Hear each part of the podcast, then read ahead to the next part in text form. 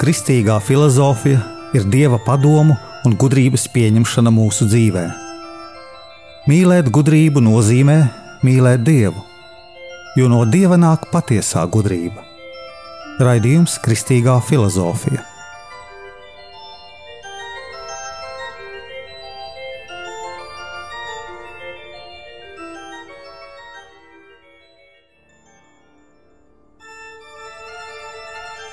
Es esmu Jānis Valtra Vitsenheims, un ar jums ir 40. raidījums Kristīgajā filozofijā.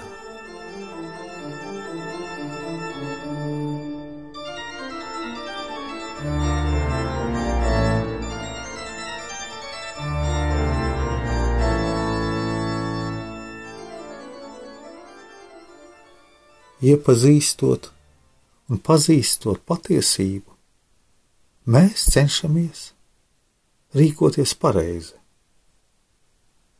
Bieži kristītis dara to, ko citi nevar izdarīt. Tā viņš arī izvairās no skaudības nepilnīgo vidū, jo kurš gan vēlas būt tāds, kas skūpj netīrus, noskrandušus cilvēkus? Cilvēkā ir gan pašapziņa, kas viņš ir, gan ideoloģija, pasaulīgā domāšana. Turēšanās pie idejas un cīņa ar sevi veido ceļu, ko mēs izvēlamies. Mēs dzīvojam pasaulē starp ļauno un labo. Tādēļ ļoti svarīga ir patiesības pazīšana. Pilārs notiesāja Jēzu, tie bija romiešu likumi, taisnīgi likumi, bet ne dievam. Latvijā arī ir daudz likumu, un ir likumi, kas ir pret mūsu kristiešu pārliecību. Tos nekristieši izvairās pieminēt.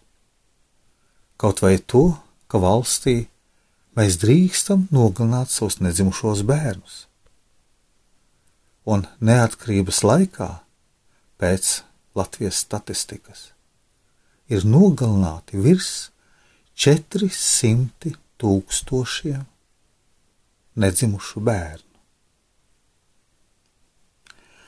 Lai kā cilvēks necenstos ko sasniegt, viņš bieži iet pret savu dabu, bieži iet pret ļauno garu kurš mūs neieredz. Mēs grēkojam, un ļaunie gari mūs uzreiz paņemtu savā pasaulē. Bet Dievs mūs sargā. Kristībās mēs skaitot atteikšanos no ļaunā gara, nospļaujamies uz sātanu.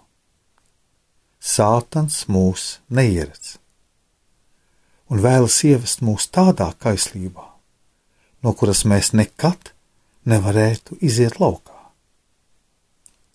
Ja Dievs ar savu svētību mūs nepasargātu, mēs jau pat pēc dusmām uz kādu cilvēku būtu nonākuši ļaunā gara mūžīgā ietekmē. Tikai Dieva žēlsirdība mūs no tā visa ikdienu pasargā. Tikai Dieva žēlsirdība, kuru mēs ikdienā pat nejūtam, ir tā, kas vienmēr ir ar mums. Tādēļ, ka kristītis virzās uz patiesību, viņam jāpazīst patiesība un jāturās pie Dieva un Dieva baušļiem.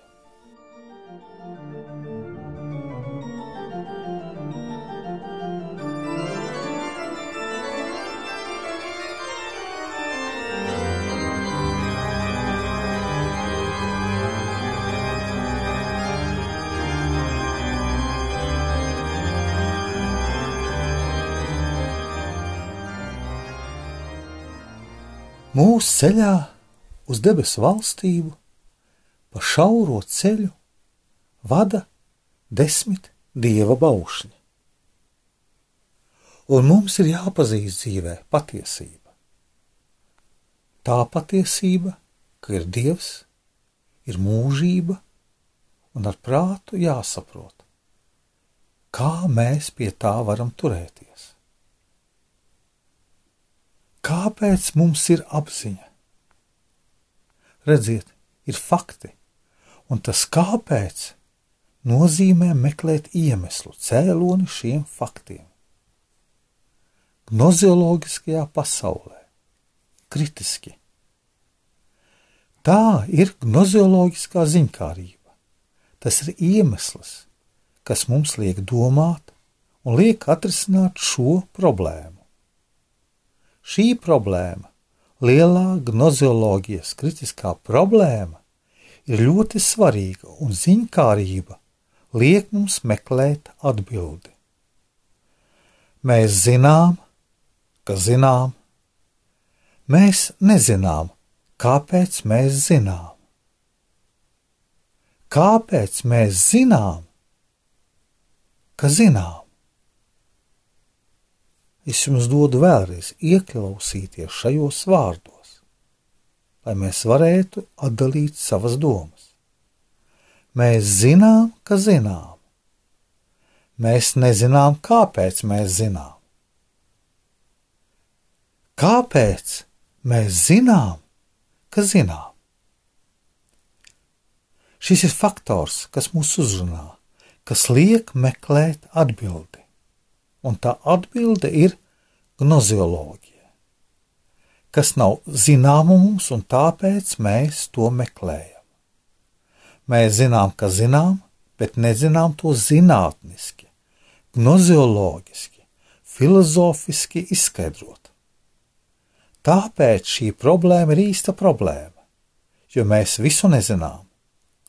Bet, ja visu zinātu, tad mums nav iespējams tālākais meklējums.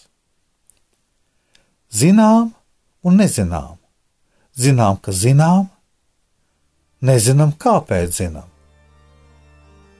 Kāpēc mēs zinām, ka mēs to zinām?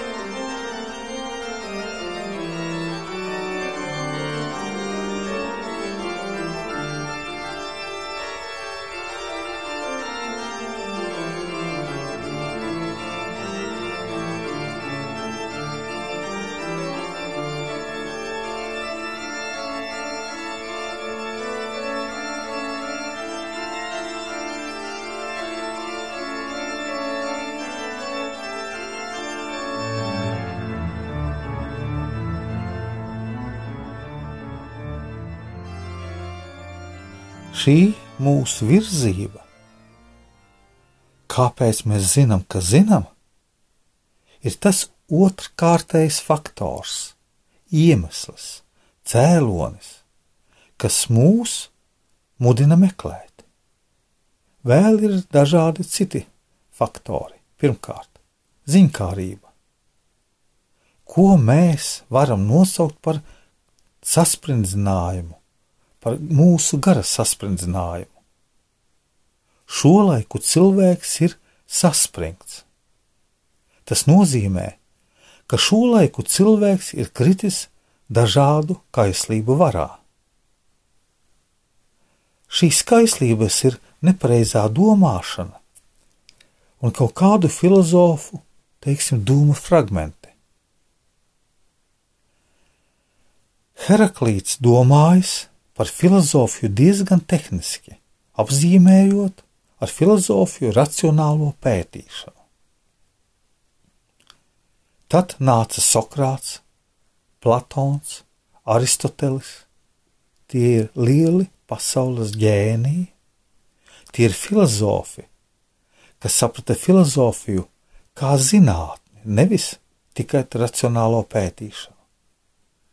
Viņi saprata filozofiju kā zinātni, kas skar īstenību, realitāti, tās dziļumos, visdziļākajās sakarībās, un tādā veidā ved mūs uz priekšu, uz gaismu, uz mūsu dzīves izpratni, lai izprastu cilvēka dzīves nozīmi.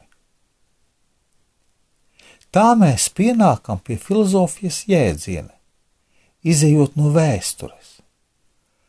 Un mēs saprotam, kāds nopelns bijis pirmajiem grieķu filozofiem, kas atbrīvojās no mītiem, mitoloģijas un izprata filozofiju kā zinātni, kā augstāko zinātni, kas paceļas tajos augstumos, skaidrojot, ko nozīmē cilvēks pasaulē, kā būt Svētais Akvīnas Toms uztvēra metafiziku kā ens uns. Tas ir grieķu filozofijas nopelns, ens uns. Tas pirmais ens no latīņu valodas nozīmē ese participumu. Tātad pirmais ens nozīmē lietas un ir kvantifikācija. Varam to ens saprast kā daudzumu, kā lietu dažādību. Cilvēks, akmens, minerāls nav kvalificējams, tas ens, un tas nozīmē būtne. Tā ir dziļa filozofiskā doma, skaidrot lietas kā būtības, ens un ens. Ens un ens skaidro ensija. Tā tad ensija ir būtne.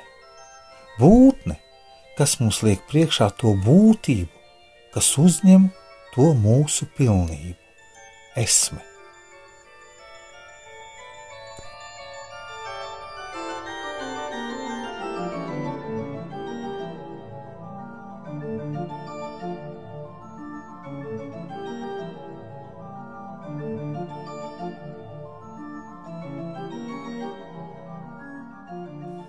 Mūsdienu pasaulē ir ļoti daudz dažādu ideoloģiju, un cilvēkos rodas kaislības. Vislielākā problēma ideoloģijās ir no materiālisma un bezdievības. Cilvēks, kas ir nonācis šī saspringzinājuma stāvoklī, ir bez tiem jēdzieniem, ko nozīmē pazīt patiesību ko nozīmē cilvēks, ko nozīmē pasaule, ko nozīmē Dievs. Bez visiem šiem galvenajiem jēdzieniem viņa gars ir tukšs, viņš maldās. Mēs to varētu pat nosaukt par gara histēriju, drāmu, traģēdiju. Jo cilvēks, kad viņš maldās, nonāk tajā stāvoklī, ka viņa gars nemāk iziet un atrast pareizo stāvokli, bet gars dabiski slāpst pēc patiesības. Cilvēka gars tad viņu spiež iziet no šīm gara ciešanām, sameklēt, ko nozīmē prāts, ko nozīmē patiesība, ko nozīmē intelektuālā drošība. Tā mēs redzam visapkārt cilvēkus, kā garīgi tukšus, tā arī garīgi cietušas. Cilvēki maldās, krīt kļūdās un meklē patiesību.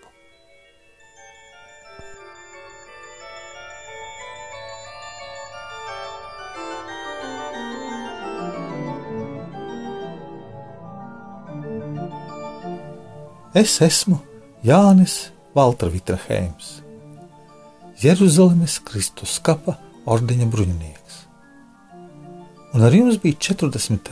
lekcija kristīgajā filozofijā par patiesības pazīšanu.